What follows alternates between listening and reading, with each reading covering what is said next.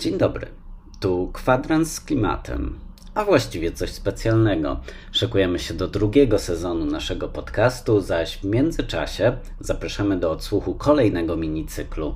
Tym razem mowa o wspólnych dyskusjach Climate Conversations oraz programu Climate Leadership realizowanych pod hasłem Świat po kopie, świat przed kopem. Nazywam się Bartłomiej Kozek i zapraszam do odsłuchu.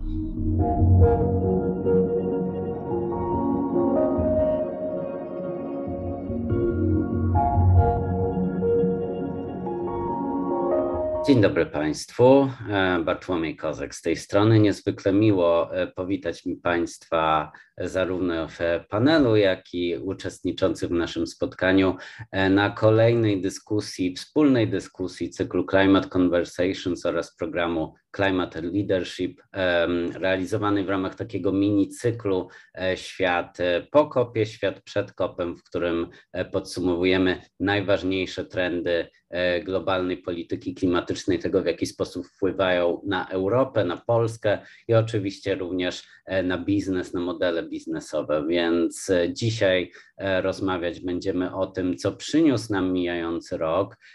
Mamy bardzo zróżnicowane grono osób uczestniczących w naszym dzisiejszym panelu, więc mam nadzieję, że ta perspektywa będzie szeroka i oczywiście e, zarówno szczyt klimatyczny w Glasgow, jak i Europejski Zielony Ład będą na tapecie, ale na pewno e, nasi paneliści mają również swoje typy co do tego, co przyniósł miniony już rok, a co przyniesie e, rok obecny. Z nami są dzisiaj Izabela Zygmunt z przedstawicielstwa Komisji Europejskiej w Polsce, Adrianna Wrona z Fundacji Instrat, ekspertka też programu Climate Leadership organizowanego przez Centrum UNEP Grid Warszawa, e, Marcin Kowalczyk z WWF Polska oraz Grzegorz Pobek z grupy spółek Danon, e, a dużo bardziej konkretniej z Żywiec Zdrój SA.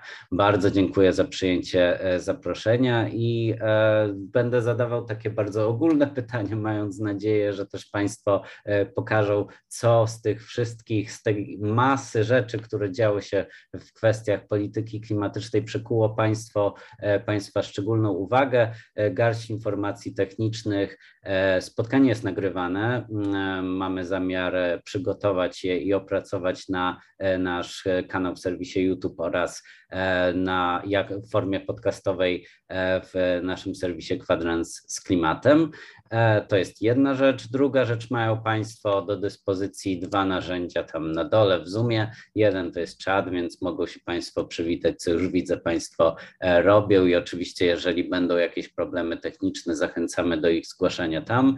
No i mamy sekcję QA, w której, e, która jest dedykowana pytaniom. Jeżeli będą Państwo mieli, e, mieli pytania do naszych panelistek, panelistów, bardzo zapraszamy do wysyłania ich właśnie tam. E, postaramy się oczywiście zagwarantować nieco czasu również na odpowiedzi na Państwa pytania. Więc chciałbym zacząć i chciałbym zacząć od kwestii tego, jak ocenić ten miniony rok, rok 2021 pod kątem globalnych, europejskich, polskich działań na rzecz klimatu. No i gdzie tutaj jest najwięcej powodów do nadziei, a gdzie do niepokoju? I chciałbym zacząć od e, Izabeli Zygmunt. E, dzień dobry Państwu. Dziękuję bardzo. Ja, ja, może spróbuję podsumować to takim um, subiektywnym wyborem najważniejszych um, rzeczy, które stały się. On jest niekompletny i, i, i, subiektywny, ale, ale może da nam tutaj jakiś e, punkt wyjścia do rozmowy. Bo ten rok, um, który skończył się szczytem w Glasgow, on zaczął się innym ważnym wydarzeniem, powrotem Stanów Zjednoczonych do porozumienia paryskiego. To stało się w lutym i następnie w kwietniu odbył się szczyt przywódców zwołany przez e, prezydenta Bidena i Stany Zjednoczone jakby postawiły się znowu w roli e, jednego z mocarstw, które sprawy klimatu stawiają na wysokiej pozycji i zamierzają o nie walczyć. W międzyczasie poza światem polityki wydarzyły się takie rzeczy jak powodzie w Niemczech i Beneluxie e, latem ubiegłego roku, które pokazały, że nawet w tych miejscach, gdzie e, zgodnie z przewidywaniami naukowców e, ten wpływ zmian klimatu nie jest taki najbardziej dramatyczny, bo tutaj no może warto przypomnieć, że najbardziej dotykana jest, dotyka, dotykają zmiany klimatu globalnego południa, Afryki, Sahelu i tak dalej. To są te regiony, gdzie, gdzie widzimy najbardziej jakby srogi wpływ zmian klimatu. Wydawało się, że Europa na tym etapie, kiedy dopiero przekroczyliśmy niedawno jeden stopień ocieplenia jest w miarę bezpieczna, tymczasem te powodzie pokazały, że również tutaj mogą zdarzać się ekstrema pogodowe, które niosą ze sobą ofiary w ludziach i straty liczone w miliardach euro. Jednocześnie wydarzyła się dosyć e, ciekawa rzecz w nauce, mianowicie, mianowicie klimatolodzy zdali sobie sprawę, że e, te dotychczasowe modele, które były bardzo precyzyjne, jeżeli chodzi o przewidywanie e, jakby takiego globalnego poziomu wzrostu temperatur i, i tego, co się z tym wiąże, seja, nie doszacowały właśnie częstotliwości i niszczycielskiej siły ekstremów, ekstremalnych wydarzeń, które, które zmiany klimatu przyniosą. W tym roku to był rok, kiedy zdaliśmy sobie sprawę, że na całym świecie, w tym również właśnie wydawałoby się bezpiecznej Europie, jakby jesteśmy narażeni na dużo większe wpływy zmian klimatu e, niż to do tej pory sądzono. No a w międzyczasie, wracając e, na szczebel polityczny, z dala od świateł Jupiterów, Unia Europejska przygotowała pakiet Fit for 55, e, czyli swój plan na wywiązanie się ze swojego zobowiązania w ramach porozumienia paryskiego. I myślę, że do niego jeszcze wrócę, a tutaj na razie postawię kropkę. Świetnie, bardzo dziękuję za to podsumowanie. Sam pamiętam e, ten miniony rok właśnie pod kątem e, tego, co działo się z kolei w Kanadzie, gdzie padł rekord upału w jednej z miejscowości w Kolumbii Brytyjskiej, niesłynącej z upałów, po czym wkrótce potem e, ta miejscowość spłonęła w pożarze okolicznych lasów, więc to też jest taki symbol tego, że mamy faktycznie kryzys i alert klimatyczny. Pani Adrianno, jak Pani by podsumowała? Co dla Pani jest niezwykle istotne? Istotnym e, elementem tej układanki klimatycznej e, za rok 2021. E, dzień dobry, dziękuję pięknie za zaproszenie. Zgadzam się kompletnie z panią Izabelą, która wydaje mi się bardzo dobrze podsumowała mieszankę odczuć, które mieliśmy w tym roku na temat klimatu. Ja bym podsumowała to przede wszystkim w taki sposób, że 2001 rok, 2021 rok na pewno był dużym rokiem dla klimatu i możemy go ocenić dobrze lub źle. Ja uważam, że mimo wszystko no, ta ocena jest e, dopuszczająca góra i to tylko i wyłącznie dzięki e, podciągnięte, dzięki działaniom mimo wszystko Komisji Europejskiej i, e, i pakietowi Fit for 55, który jest jednak no, takim pierwszym no, dość kompleksowym podejściem strategicznym do jakichś konkretnych działań, które mają rzeczywiście nas doprowadzić do tej ścieżki osiągnięcia neutralności klimatycznej. No niemniej jednak, jakby na, bo mówimy tutaj o globalnych, europejskich i polskich wydarzeniach. Globalne wydarzenie największe, czyli COP26, no uważam, że no nie chcę jakby tutaj kwestionować i deprecjonować jego przełomowości e, związanej z tym, że te paliwa kopalne jednak się znalazły w porozumieniu, ale że to się wydarzyło 30 lat od podpisania konwencji klimatycznej jest jednak no, no dość e, śmieszne, więc nie ma się tutaj co jakby specjalnie cieszyć, chociaż oczywiście rozumiem, że negocjacje klimatyczne są bardzo, bardzo skomplikowanym procesem i, e, i, i, i e, wymagają czasu.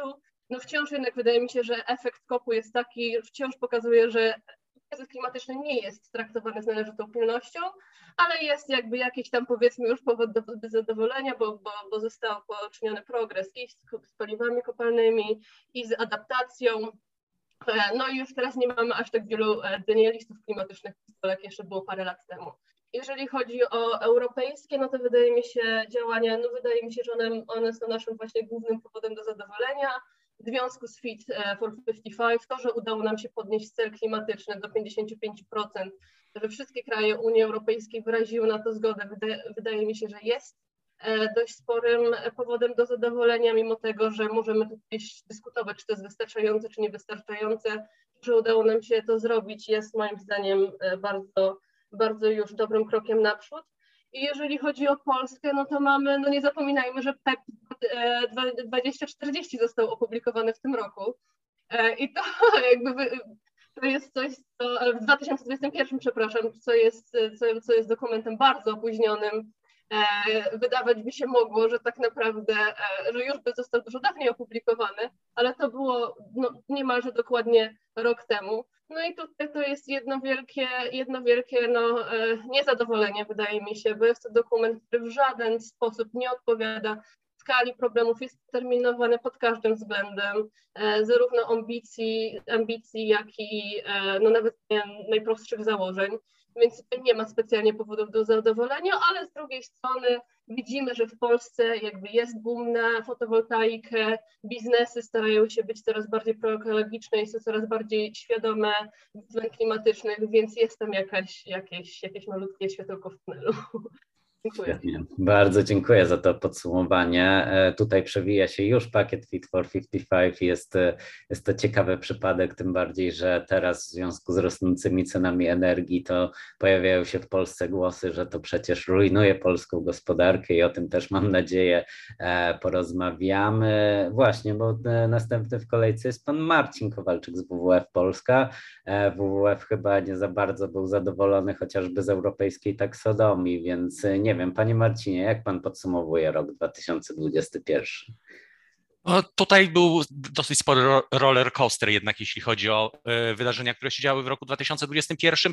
Tutaj może się trochę nie zgodzę z panią Adrianną, że e, węgiel podczas, na przykład e, odejście od węgla podczas kopu było niewystarczające, biorąc pod uwagę to, jak wyglądają faktycznie negocjacje klimatyczne i to, że musi się dogadać jednak jednogłośnie 190 kilka państw, które muszą podjąć jedno, jedną decyzję. Sam fakt tego, że już w tym momencie mówimy o jakimś odejściu od węgla w faktycznych dokumentach formalnych kopu jest jednak pewnym sukcesem, nawet jeżeli zgadzam się, że niewystarczającym, ale jest to już pewien krok naprzód i teraz podchodząc do tego na zasadzie dążenia do kolejnego kopu, być może na kolejnym kopie ten język zostanie zaostrzony.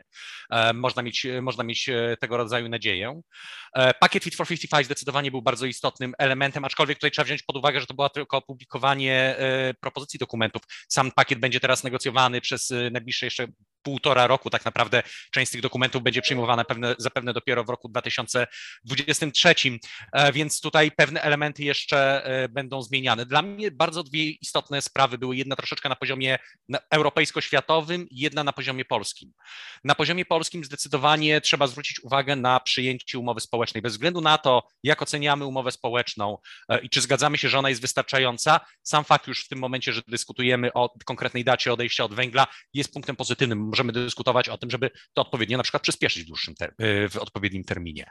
E, kolejna kwestia to jest y, kryzys y, energetyczny, który pokazał tak naprawdę, wbrew narracji, którą czasami słyszymy, e, że oparcie się na paliwach kopalnych jest niebezpieczne i jest czymś, co może, co może być bardzo kosztowne e, dla całych gospodarek, więc tutaj należy szukać tańszych alternatyw, głównie odnawialnych źródeł energii, bo jak się okazało, że odnawialne źródła energii były w stanie dostarczyć wystarczająco dużo, dużej ilości energii, na przykład w Polsce czy w Niemczech, w czasie tego kryzysu energetycznego ceny energii w Polsce i w Niemczech spadły znacząco poniżej e, średniej europejskiej. Także to są kwestie, na które ja bym tutaj zwrócił uwagę. Jeśli chodzi o samą taksonomię, tak, nie do końca nam się podoba, podobają e, pewne e, rodzaje inwestycji, które zostały uznane za zielone, E, oczywiście wiadomo, że to będzie jeszcze dyskutowane. Niestety, jak wiadomo, to również jest kwestia uzgodnień i kompromisów pomiędzy tutaj 27 państwami, więc czasami, czasami e, okazuje się, że dla polityków pragmatyzm jest ważniejszy niż e, działanie faktycznie na rzecz klimatu. Dziękuję. Mhm, dziękuję. Ja akurat widzę, że w trakcie naszej dyskusji to e, na czacie pojawiały się już komentarze zarówno dotyczące e, pozycji politycznej względem Fit for 55, jak i taksonomii, więc widać, że są to tematy, które również w dużym cudzysłowie, skoro mamy sezon grzewczy, to można grzeją nasz, uczestników naszej debaty. Panie Grzegorzu, teraz pytanie do pana Grzegorza Bobka. E, jak to wygląda z perspektywy biznesu? Co, to, co ten miniony rok oznacza dla biznesu w ogóle i dla Państwa w szczególe, jeżeli chodzi o kwestie środowiskowe, klimatyczne? Dzień dobry Państwu. Raz jeszcze też dziękuję za zaproszenie do, do tego panelu. E, tak, przede wszystkim dla mnie rok 2021 będzie prawdopodobnie kolejnym, w którym globalna temperatura rośnie. Czekamy oczywiście na ogłoszenie tych wyników, ale ale pomimo, że w Polsce chyba tego tak bardzo nie zauważyliśmy, natomiast globalnie na pewno to będzie prawdopodobnie pierwsza trójka kolejna, czyli mija kolejny rok z kolejnymi rekordami temperatur. Oczywiście jakieś działania na świecie są podejmowane, natomiast niestety cały czas to tempo jest zbyt wolne, zbyt mało ambitne, mm, są to zobowiązania. Natomiast jeśli chodzi o taki pozytywny aspekt akurat e, minionego roku, to da się zauważyć coraz większą świadomość zarówno wśród e, społeczeństwa, konsumentów, ale też i wśród biznesu. Już coraz więcej międzynarodowych przedsiębiorstw, dużych gigantów podchodzi do swoich zobowiązań neutralności klimatycznej, coraz więcej już ogłasza tego typu zobowiązania, jak chociażby mm, RS100, czyli pozyskiwanie energii ze źródeł odnawialnych, czy też oparcie, mm, oparcie swojego podejścia o science-based targets czy też ustanawianie wprost celów neutralności klimatycznej, więc myślę, że to jest ten pozytywny efekt, który wieńczy miniony rok i nieśmiało każe nam patrzeć z optymizmem też e, w przyszłość. Mhm.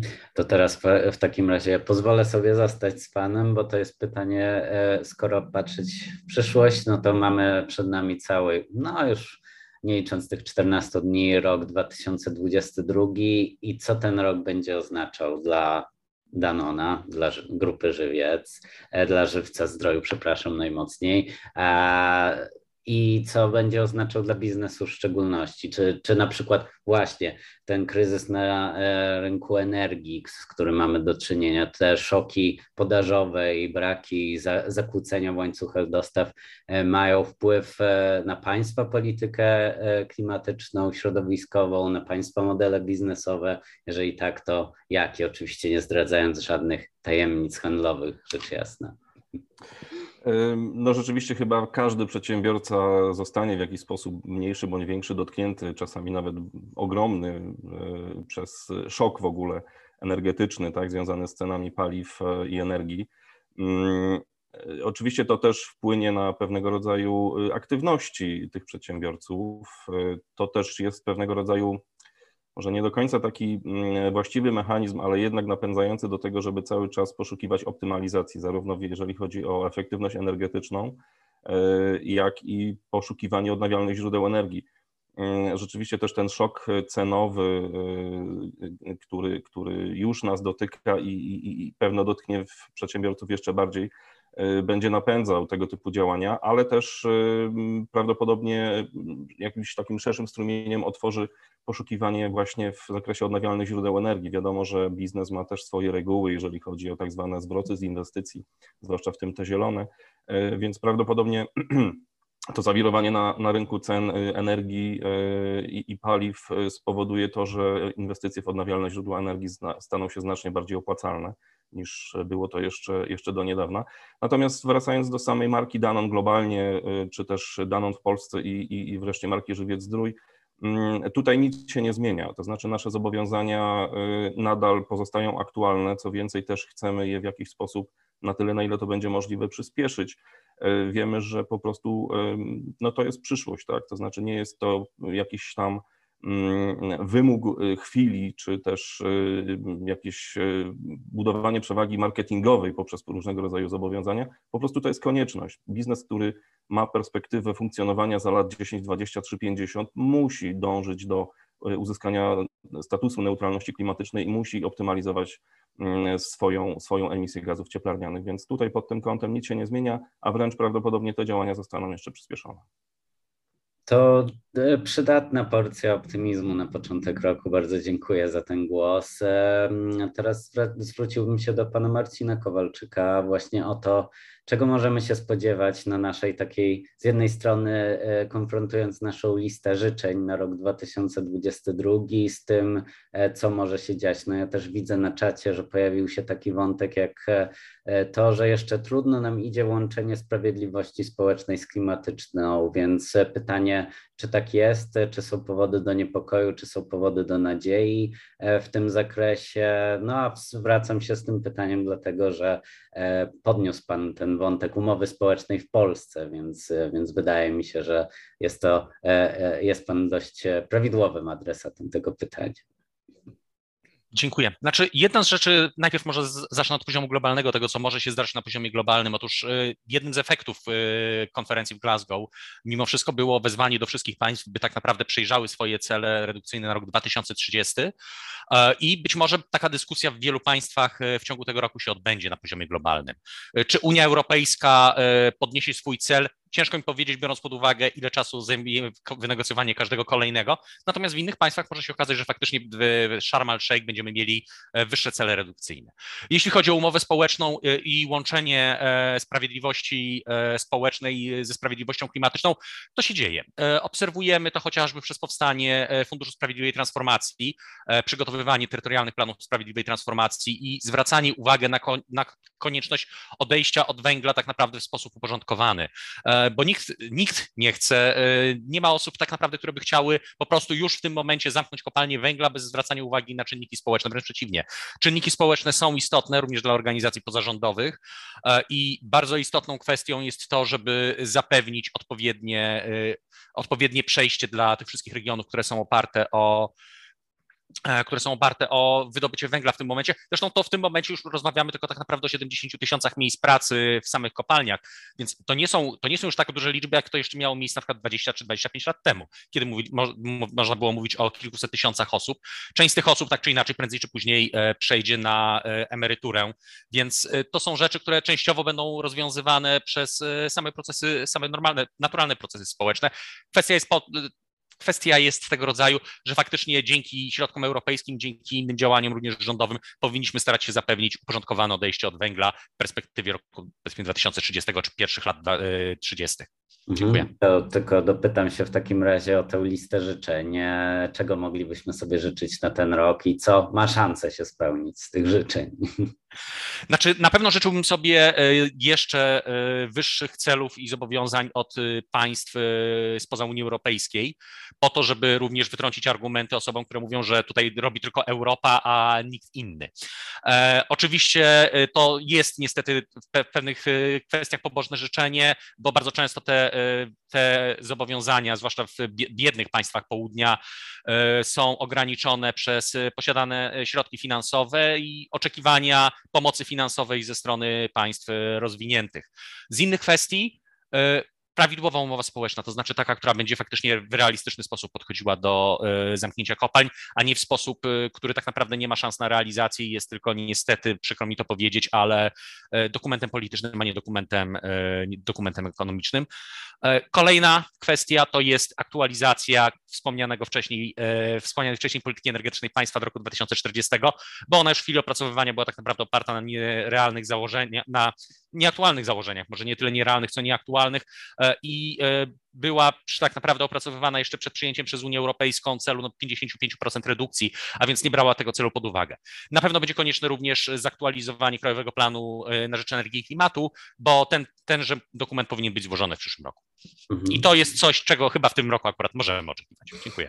Dobrze, no to co staje nam teraz trzymać kciuki za to, żeby ta nasza lista życzeń się zrealizowała. Do Pani Adrianny Wrony mam też taki wątek a propos roku 2022, bo na czacie też pojawił się e, wątek tego, na ile właśnie z jednej strony te długoterminowe cele nie są wymówką do odkładania działań, no i na ile właśnie to nie będzie duże wyzwanie też moim zdaniem na rok 2022, oddzielanie takiej realnej zmiany od tego, co e, już odmieniamy przez wszystkie przypadki, mimo że to słowo dość obcojęzyczne, czyli greenwashingu, czyli w jaki sposób, e, czy, jest, czy widzi Pani tak dalece posunięte ryzyko, E, a jeżeli tak, to w jaki sposób możemy na nie odpowiadać też w tym roku 2022?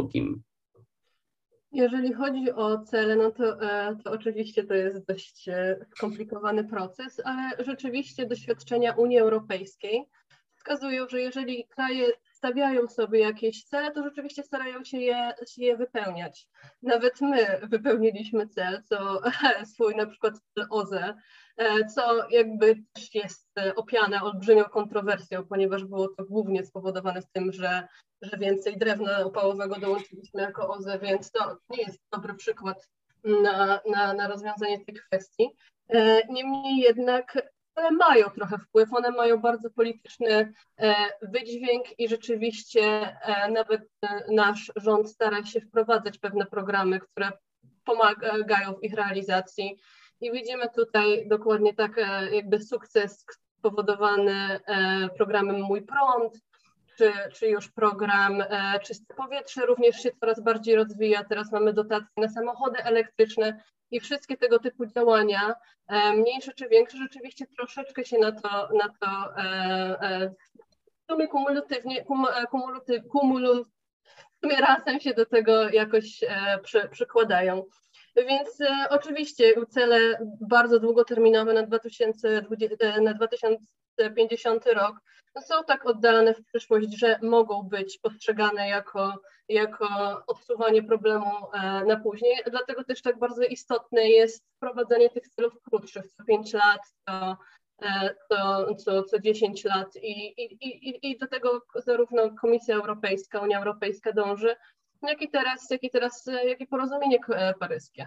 Więc wydaje mi się, że no na papierze, to na papierze, ale jakieś tam są kroki w dobrym kierunku. Okej, okay, rozumiem. A co jest na Pani liście życzeń na ten rok? Pewnie poza niższymi rachunkami za energię. Tak, ja, ja, tak ja, ja uważam, że bardzo, bardzo e, istotne jest um, zwiększenie inwestycji w sieci ponieważ i, i, to powinno stać się e, większym priorytetem. Już mówi się o, o, o potrzebach, już jakieś tam mają być działania w tym kierunku e, prowadzone, ale, nasze sieci są bardzo stare i one będą wymagały już wymagają olbrzymich inwestycji z rozwojem OZE czy bez rozwoju OZE. E, żeby umożliwić rozwój OZE i realizację tych naszych celów, niestety sieci będą musiały przejść olbrzymią e, modernizację, mm, ale to z benefitem dla nas wszystkich. Więc moim największym życzeniem, poza oczywiście e, aktualizacją wszystkich dokumentów, poza realnym planem odchodzenia od węgla, który jest również oczywiście jakby z uwzględnieniem aspektu społecznego, te, te inwestycje sieci i plan realnej e, ich zagospodarowania chciałabym, żeby powstał.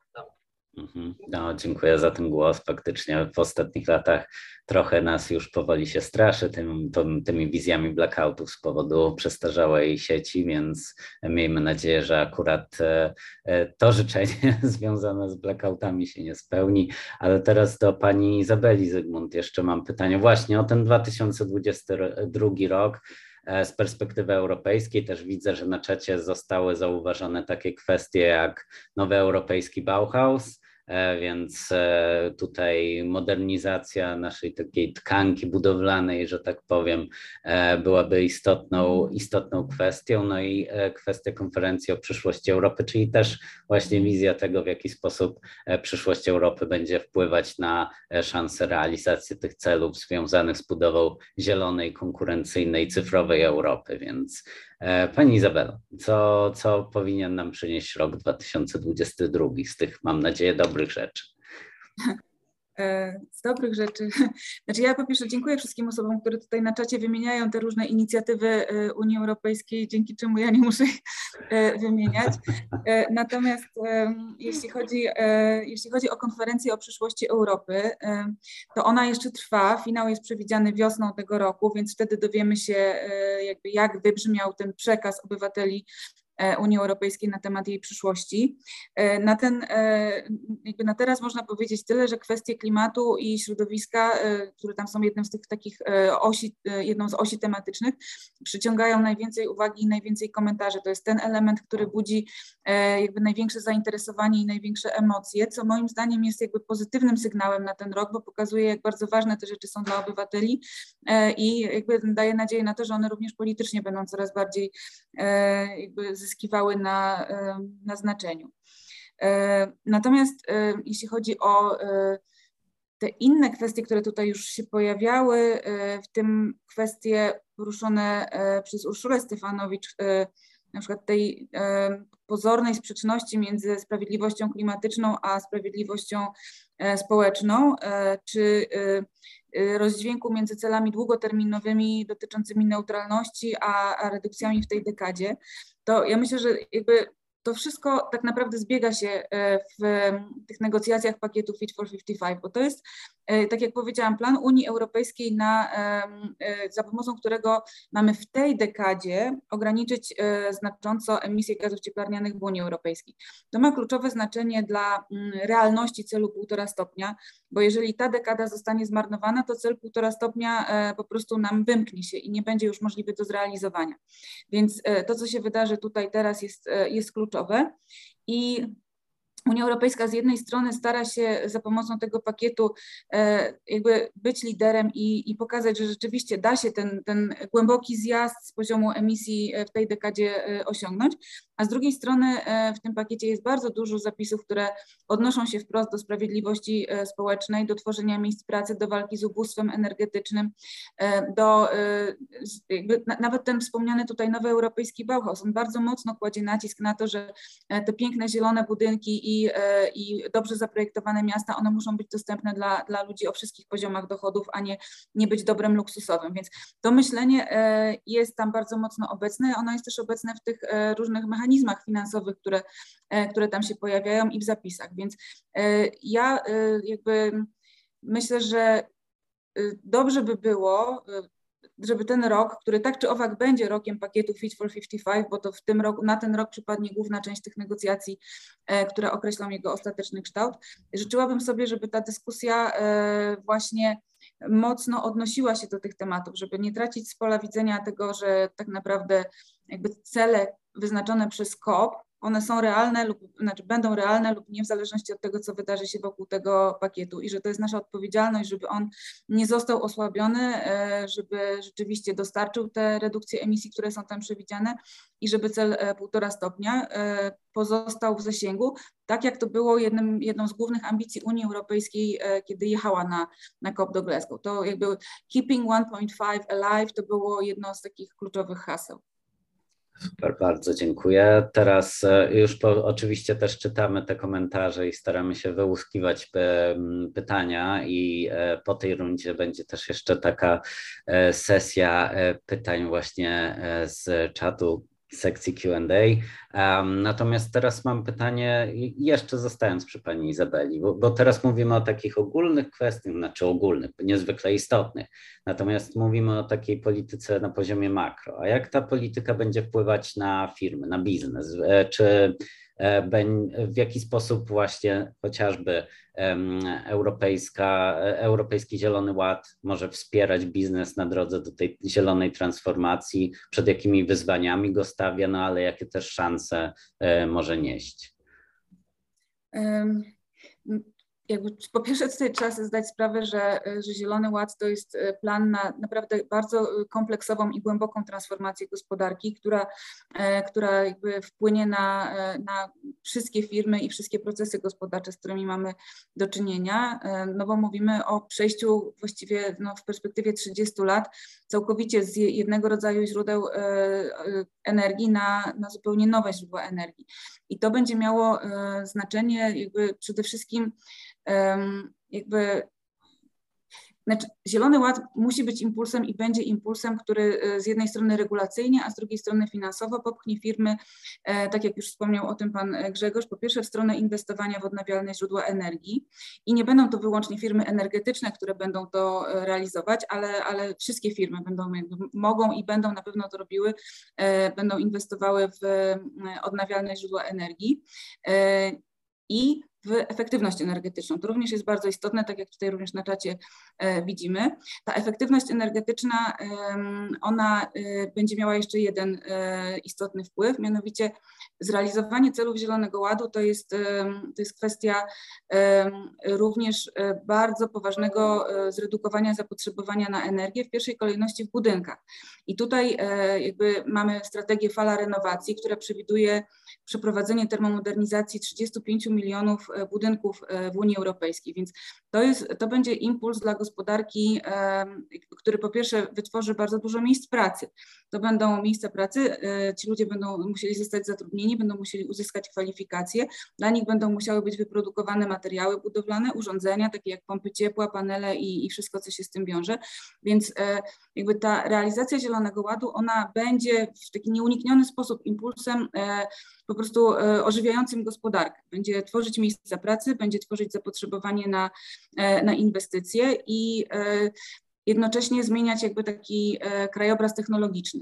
Więc to, ta, ta, świadomość, ta świadomość o tym, jakby myślę, że ona jest obecna w biznesie, ale mm, skoro mówimy o tym nadchodzącym roku, to myślę, że warto jeszcze o jednej sprawie powiedzieć tutaj, bo my jesteśmy w trakcie również takiej wielkiej przebudowy legislacji, wszystkich regulacji e, które tworzą otoczenie regulacyjne dla biznesu.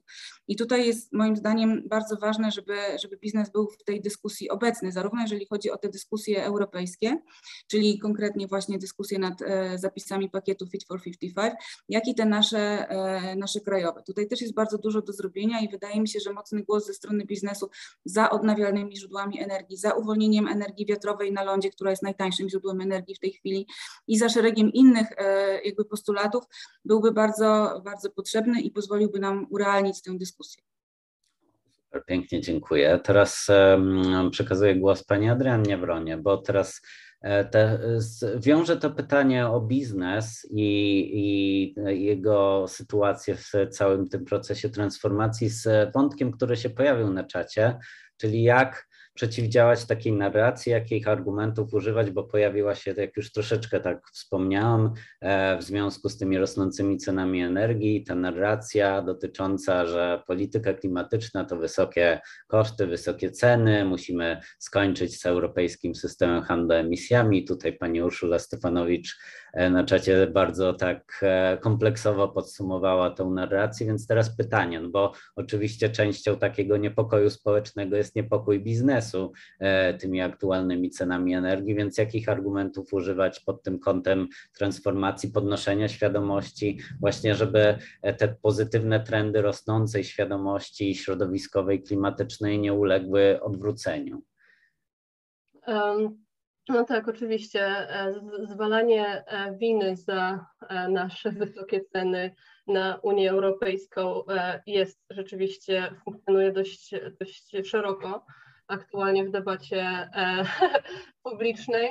I, no i w sumie to jest mi bardzo ciężko powiedzieć, no co zrobić, ponieważ jest to bardzo mocno populistyczny argument. Jedyne, co powiedziałabym, że jakby tłumaczenie ludziom i biznesowi, powodu, dla którego te ceny z EU ETS e, są zwiększane, czyli jest to spowodowane tym, że one mają wzrastać, ponieważ nam zależy na zrealizowaniu naszych celów klimatycznych, a zatem e, zmotywowaniu spółek energetycznych i biznesów do redukcji emisji gazów cieplarnianych, to e, e, za pomocą przechodzenia na bardziej odnawialne źródła energii, za pomocą osiągnięcia efektywności e, energetycznej i generalnie usprawniania swoich procesów produkcyjnych.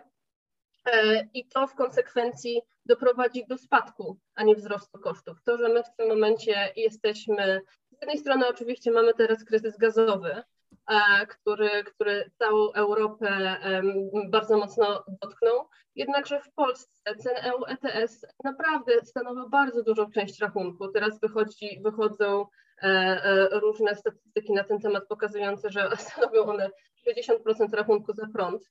I to jest związane tylko i wyłącznie z niedopatrzeniem E, naszego rządu do, e, e, i podejmowaniem jakby dużo wcześniej decyzji, które pomogłyby nam ten tańszy prąd rzeczywiście jakby produkować. Więc no, narracja, że jest to wina Unii Europejskiej jest olbrzymią manipulacją, ponieważ my już od lat wiedzieliśmy, od 2005 roku wiedzieliśmy, jak ten system funkcjonuje, jak będzie funkcjonował, Zgadzaliśmy się oraz e, w kolejnych jego rewizjach na jego zrewidowaną i uaktualnioną wersję. Wiedzieliśmy od początku, że te prawa do emisji e, będą, e, się, będą redukowane, ich pula i jak i również mieliśmy przekazywać do tej pory 50% środków lub co tam były jeszcze środków, lub ekwiwalentu z tych środków na inwestycje w odnawialne źródła energii, czego nie robiliśmy. Te środki jakoś się w budżecie po prostu rozmywały E, nie zostały na to wykorzystywane w, większe, w większości. Jak kiedyś może stanowiły one bardzo marginalne e, wpływy do budżetu, teraz to są tak naprawdę no już na wysokości kilku procent całego budżetu. Więc musimy jak najbardziej jakby skupić się na rozwiązaniach, wziąć odpowiedzialność za to, że to jest tylko i wyłącznie nasze niedopatrzenie, które mieliśmy e, możliwość powstrzymać E, wziąć to na klatę i, e, i działać dalej, a w międzyczasie no niestety nasi konsumenci zarówno w gospodarstwach domowych, jak i biznesowych ponoszą tego konsekwencje i najprawdopodobniej będą ponosili tego konsekwencje w kolejnych latach i muszą teraz e, oczywiście być programy osłonowe z jednej strony, ale z drugiej strony no biznes tam musi wziąć na siebie niestety część odpowiedzialności e, jakby za powstrzymanie tego, powstrzymanie tego problemu u siebie, czyli inwestować w odnawialne źródła energii, stawiać swoje panele, gdzie mogą, e, e, lub też inwestować w oszczędność energii generalnie. Mhm, dziękuję, dziękuję bardzo za ten głos. To zawsze jest tak, że kiedy e, eksperci czy osoby zajmujące się tematem mówią od x lat, jak będzie działał jakie będą skutki systemu, i wszyscy tak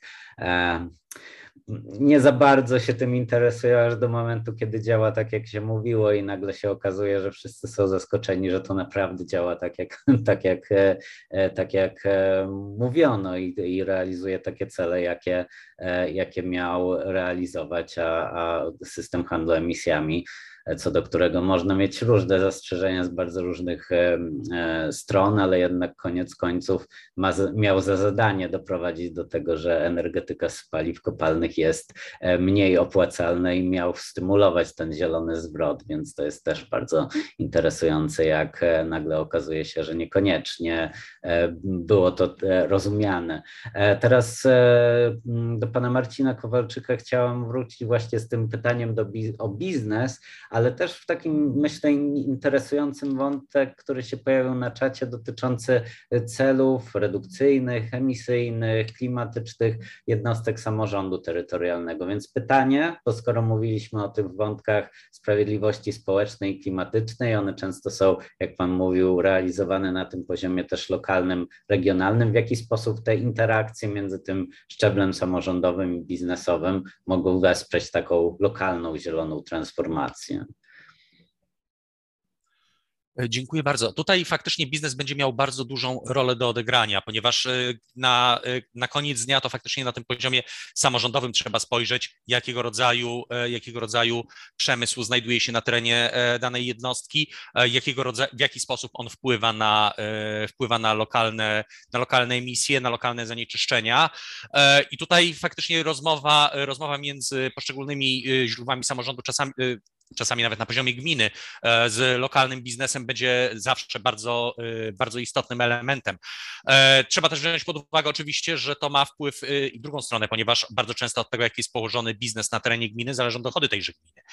Ja ze względu chociażby na udział w, czy to w podatku od nieruchomości, czy to w podatku od przedsiębiorstw.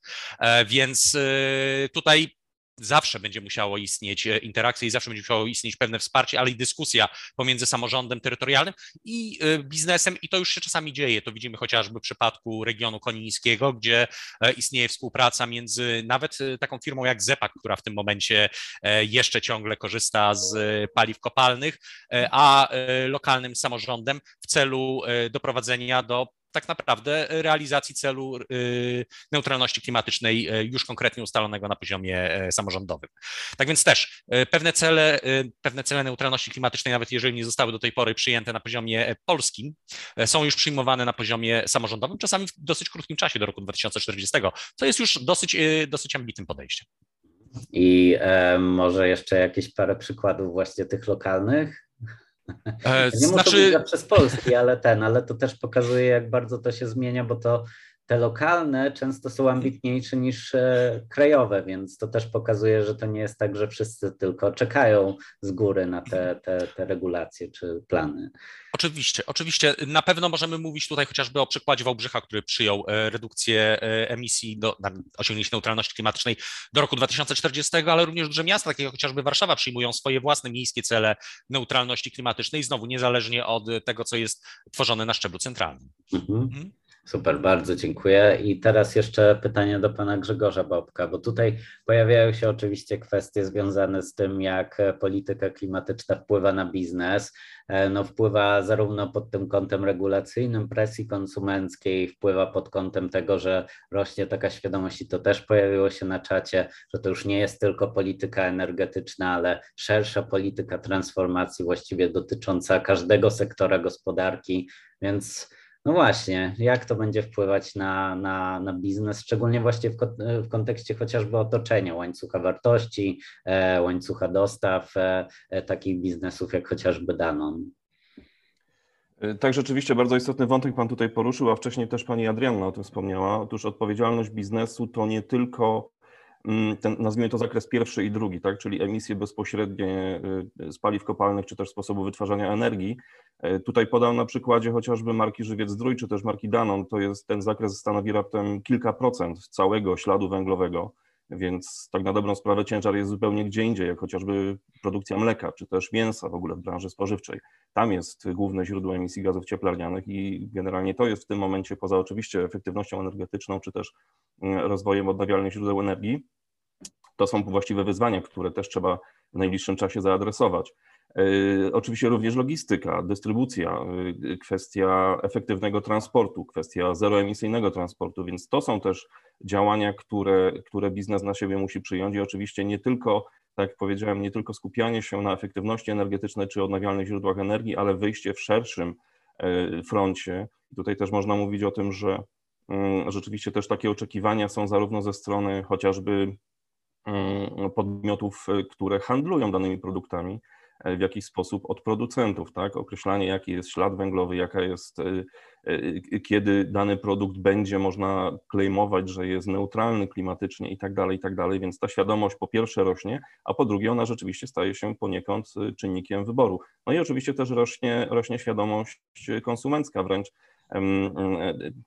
chociażby diety fleksitariańskie, czy też odchodzenie od spożywania mięsa, ograniczenie spożywania nabiału, to jest też coś, co oddolnie będzie wpływało na pewnego rodzaju transformację różnego rodzaju producentów, w tym między innymi producentów żywności. Mhm. A to mam jeszcze takie pytanie uzupełniające, bo to mnie akurat ciekawi, bo patrząc się oczywiście na tę transformację biznesu, widzimy dużo deklaracji i działań takich realizowanych bardzo często przez duży biznes, często międzynarodowy, a to jest teraz pytanie, czy czują Państwo też jakieś takie zainteresowanie, wzrost zainteresowania tematem, chociażby właśnie w swoim otoczeniu biznesowym, chociażby w kontekście dostawców? Bo dlaczego się pytam? Bo e, pojawiają się badania opinii, z których wynika, że ten polski sektor małych i średnich przedsiębiorstw e, no, nie za bardzo z tą ekologią e, się czuje pewnie i najchętniej to działałby tylko wtedy, jak zostanie przymuszony, w cudzysłowie oczywiście. I teraz pytanie, czy nie ma takiego ryzyka, że pojawi się też rozwarstwienie, nawet skoro mówimy o różnego rodzaju nierównościach,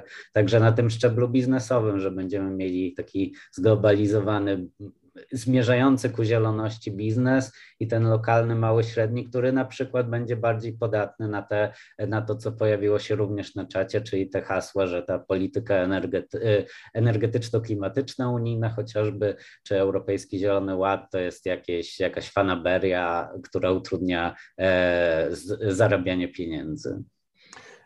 No, słuszna uwaga. To znaczy, bywa często tak, że faktycznie mm, różnego rodzaju dostawcy, czy to towarów, komponentów, czy usług, przede wszystkim patrzą na swój biznes z punktu widzenia ekonomii. Mm, bywa tak, że ekonomia idzie w parze z ekologią, ale czasami niestety są to rozbieżne drogi. Natomiast y, na podstawie własnych doświadczeń widzimy też właśnie tą zmieniającą się świadomość. I są też dostawcy usług, czy też towarów, komponentów, którzy y, jakby można powiedzieć budują z nami tą koalicję biznesu zorientowanego prośrodowiskowo, czy też jesteśmy w jednej linii, jeżeli chodzi o, o przeciwdziałanie zmianom klimatu, więc też są oczywiście i oczekiwania samego biznesu wobec swoich dostawców na pełnym łańcuchu mm, wartości.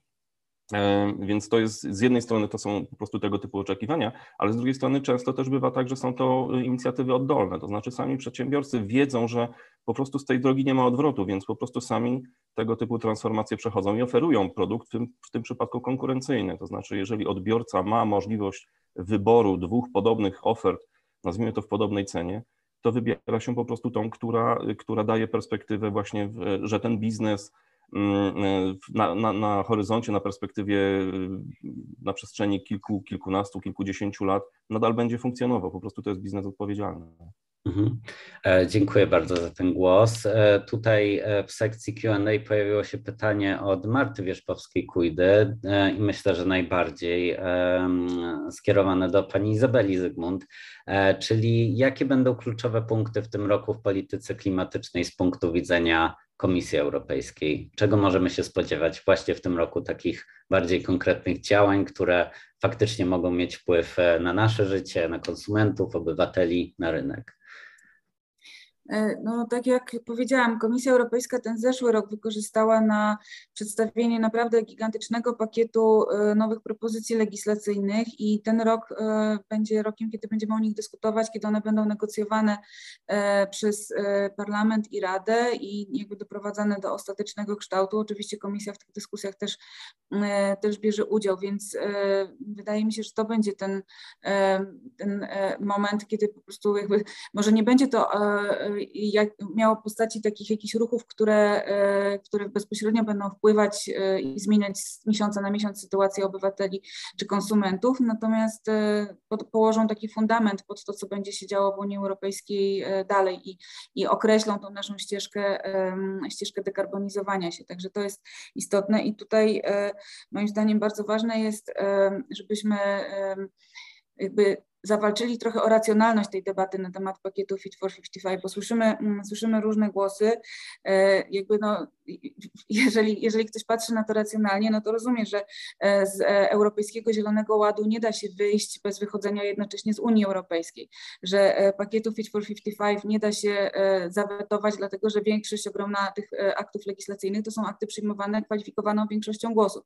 I wreszcie, że system ETS to nie jest koszt dla gospodarki, tylko E, jakby narzędzie, które z jednej strony tworzy sygnał dla inwestorów, zachęcający do inwestowania w czyste źródła energii, a z drugiej strony generuje e, całkiem duże przychody dla budżetu państwa, dzięki którym państwo również może wspierać jakieś działania transformacyjne albo e, działania osłonowe. Jakby no, pewnie ten, ten rok z punktu widzenia konsumentów to będzie rokiem wysokich cen energii. Dalej będziemy się przez pewnie jeszcze kilka miesięcy jakby mierzyć z kryzysem energetycznym i tu tutaj jakby jest istotne, że dzięki temu, że system ETS istnieje, e, to mamy w budżecie pieniądze, z których można finansować działania osłonowe i komisja jakby mówi o tym i do tego zachęca państwa członkowskie.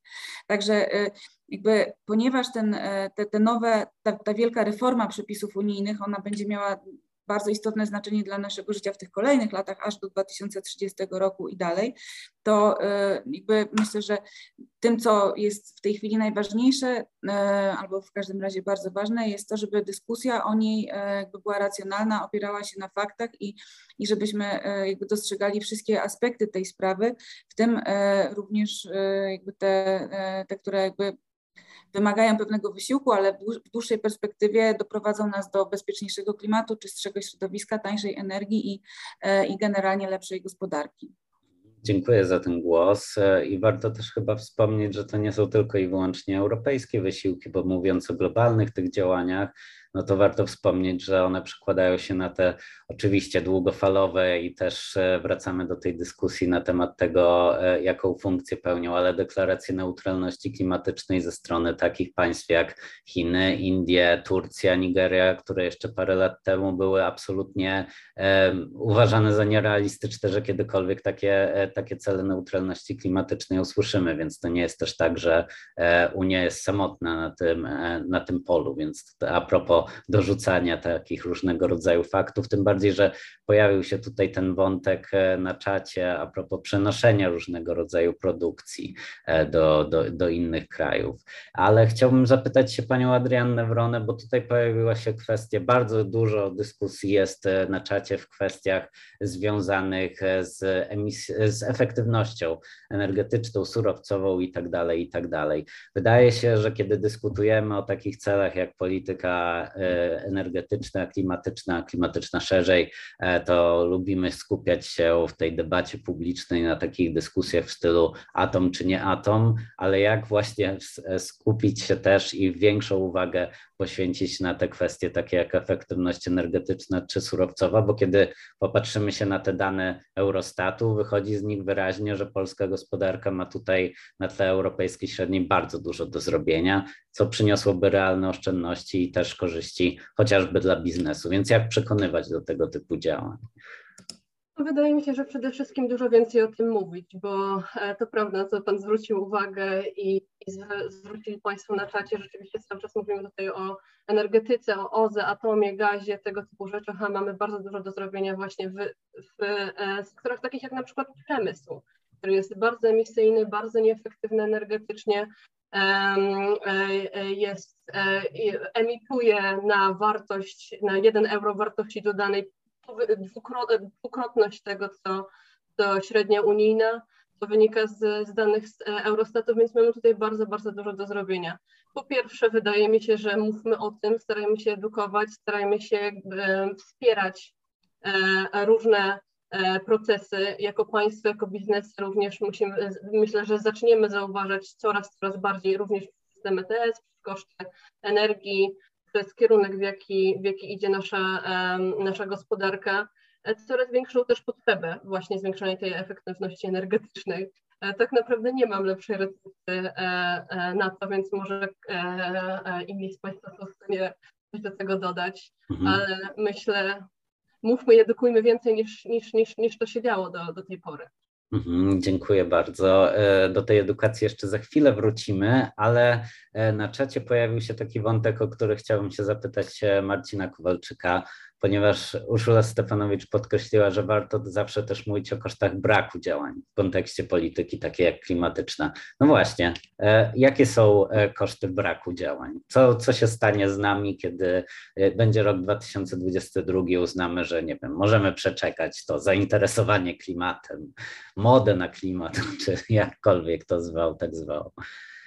E, tak naprawdę koszty są dwojakie. Po pierwsze, koszty ekonomiczne, które będziemy ponosić, i to nawet abstrahując od systemu ETS, nawet zakładając, że w jakiś niewytłumaczalny sposób udałoby się nam z niego wyjść, e, to nie rozwiąże naszych problemów ekonomicznych, ponieważ ze względu na coraz szersze mierzenie tak naprawdę e, śladu węglowego w łańcuchach dostaw, polskie przedsiębiorstwa będą mocno, będą mocno cierpiały docelowo w uczestnictwie w międzynarodowej wymianie handlowej i w związku z tym to będzie miało wpływ na całą gospodarkę ale to jest tylko kwestia ekonomiczna, natomiast będziemy mieli jeszcze kwestie po pierwsze zdrowotne, bo tak czy inaczej będziemy się musieli mierzyć z wieloma problemami zdrowotnymi wynikającymi zarówno z ocieplania się klimatu, jak i innych kwestii związanych z, ze stosow dalszym stosowaniem paliw kopalnych, co zresztą już w tym momencie też obserwujemy różnego rodzaju e, choroby układu oddechowego wynikające na przykład ze smogu, ale będą też e, kwestie związane z katastrofami, e, z katastrofami, z, z ekstremalnymi zjawiskami pogodowymi, które będą przynosiły coraz większe straty. I to też będzie nas, to też będzie koszt, który będziemy musieli ponosić,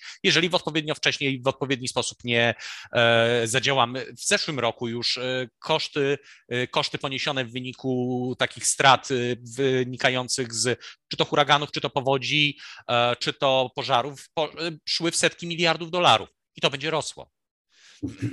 Dobrze, bardzo dziękuję za ten głos. Warto o tym pamiętać, tym bardziej, że jak wspominaliśmy chociażby o tych e, zeszłorocznych powodziach e, w Niemczech, e, Holandii czy Belgii, no to przecież jak najbardziej są to realne straty i koszty. I teraz tutaj pojawiło się pytanie od pana Piotra Kowalika, ale też pojawiło się na czacie, e, pojawił się ten wątek i myślę, że najlepszym adresatem tego będzie pan Grzegorz Bobek, e, bo właśnie mówimy o kwestiach sprawiedliwości społecznej i też tego, że firmy startują z różnych pułapów, w tym te właśnie duże z innego, małe, średnie z innego. Pojawił się też wątek, że ogólnie startujemy z, jako polska gospodarka z nieco innego pułapu. A więc teraz pytanie, E, bo duzi przedsiębiorcy, jak zauważa pan Piotr Kowalik, mają większe możliwości korzystania z wiedzy specjalistycznej i w, jaki, w jakim zakresie współpraca w organizacjach przedsiębiorców funkcjonuje w zakresie tego poszerzania wiedzy, tego zielonego know-how. To myślę, że jest bardzo ciekawy, e, ciekawy wątek, czy organizacje e, już pracodawców interesują się tym tematem i w jaki sposób funkcjonują, bo oczywiście mamy tutaj nasz Climate Leadership, który pełni trochę taką funkcję zielonego know-how, ale pytanie właśnie z perspektywy Danona, czy, czy już jest obserwowana taka zainteresowanie i współpraca też technologiczna, wiedzowa pod kątem e, zielonych technologii, zielonych innowacji, zielonych rozwiązań właśnie w organizacjach przedsiębiorców chociażby. E, tutaj Pan nawiązał do tego, e, o czym chciałem powiedzieć, kiedy Pan zadał to pytanie, mianowicie climate leadership. Pierwsza rzecz, która mi przychodzi do głowy i, i też do, do czego zachęcamy, to jest moim osobistym zdaniem fantastyczne źródło niewyczerpalnej wiedzy i, i bardzo merytorycznej i fachowej wiedzy Mm, na temat zmian klimatu, ale też i e, tego, jak przeciwdziałać albo ograniczać e, nasz wpływ na, na zmiany klimatu. Oczywiście są też różnego rodzaju organizacje branżowe, które, mm, które te wątki podnoszą, Natomiast moje obserwacje są takie, że raczej faktycznie tam się pojawiają bardziej te obawy, o których tutaj była mowa. To znaczy, e, tam można odnieść wrażenie, że przedsiębiorcy skupiają się wokół tego, że no niestety konkurencyjność polskiej gospodarki e, w, w, w zestawieniu z rozwiniętą e, gospodarką Europy Zachodniej, rozwiniętą pod kątem takim, że po prostu chociażby miks energetyczny w tamtych krajach jest zupełnie inny niż w Polsce, że od razu stawia polskie produkty na pozycji przegranej. Ja nie do końca się z tym, z tym zgodzę, bo rzeczywiście jest tak, że chociażby patrząc już na mm, same kwestie miksu energetycznego w Polsce, no to faktycznie chyba w Europie nie ma gorszego e, wskaźnika emisyjności energii, energii elektrycznej. Natomiast tego typu działania można zrekompensować poprzez różnego rodzaju chociażby Power Purchase Agreement, czy też certyfikaty gwarancji pochodzenia. I wówczas można powiedzieć, że ten element zostaje zrównany E, i, staje się wtedy równie konkurencyjny jak na przykład produkty wyprodukowane we Francji, w Hiszpanii czy w Wielkiej Brytanii. Więc e, są to pewnego rodzaju kroki, inicjatywy czy, czy metody do tego, żeby tę nierówność w jakiś sposób e, zasypać. Oczywiście to jest wszystko też dokładnie opisane, dokładnie sprecyzowane, tak żeby tutaj uniknąć też pewnego rodzaju jakichś trików. E, więc, e, ale z drugiej strony też patrząc, to jest jakiś mechanizm, który dodatkowo wymusza pewnego rodzaju oddolną rewolucję, tak to nazwijmy, czyli e, jakiś masowy ruch poszukujący na przykład takich rozwiązań typu Power Purchase Agreement spowoduje rozwój różnego rodzaju inwestycji w odnawialne źródła energii w Polsce. I tak się rzeczywiście dzieje. Więc myślę, że warto przede wszystkim faktycznie skupiać się w różnego rodzaju organizacje i, i, i, pewnego rodzaju wymianę wiedzy, czy też benchmark. Natomiast y, warto w tym zobaczyć też pewnego rodzaju szanse, nie tylko zagrożenia. Świetnie, bardzo dziękuję za ten głos. Dziękuję za wszystkie głosy. Zmieściliśmy się w czasie. Bardzo była to dynamiczna dyskusja i to zarówno e, wśród Państwa panelistów, jak i e, wśród uczestników. Można by było powiedzieć, że szkoda, że e, nie ma później możliwości przekazania na żywo tego czatu i, i pokazania później go. Natomiast raz jeszcze bardzo serdecznie dziękuję. Garść kwestii takich informacyjnych to nie jest to ostatnia debata z tego mini cyklu, więc e, zachęcamy do śledzenia informacji, śledzenia e, Państwa skrzynek pocztowych. E, wiem, że na czacie pojawiła się między innymi kwestia tego, skąd czerpać finansowanie na tego typu zielone inwestycje i również będziemy tego typu kwestie poruszać na kolejnych spotkaniach. Z mojej strony to tyle, no prawie tyle, bo muszę oczywiście podziękować wszystkim panelistom. Izabela Zygmunt, przedstawicielstwo Komisji Europejskiej w Polsce, Adrianna Wrona, Fundacja Instrat, Marcin Kowalczyk, WWF Polska, Grzegorz Bobek, Grupa Spółek Danon i Żywiec Zdrój SA. Bardzo serdecznie dziękuję za dzisiaj. Polecamy się na przyszłość, polecamy śledzić nasze wydarzenia, nasze działania, czy to na stronie gridw.pl, czy na stronie climateleadership.pl. Dziękuję bardzo za dziś i do usłyszenia wkrótce.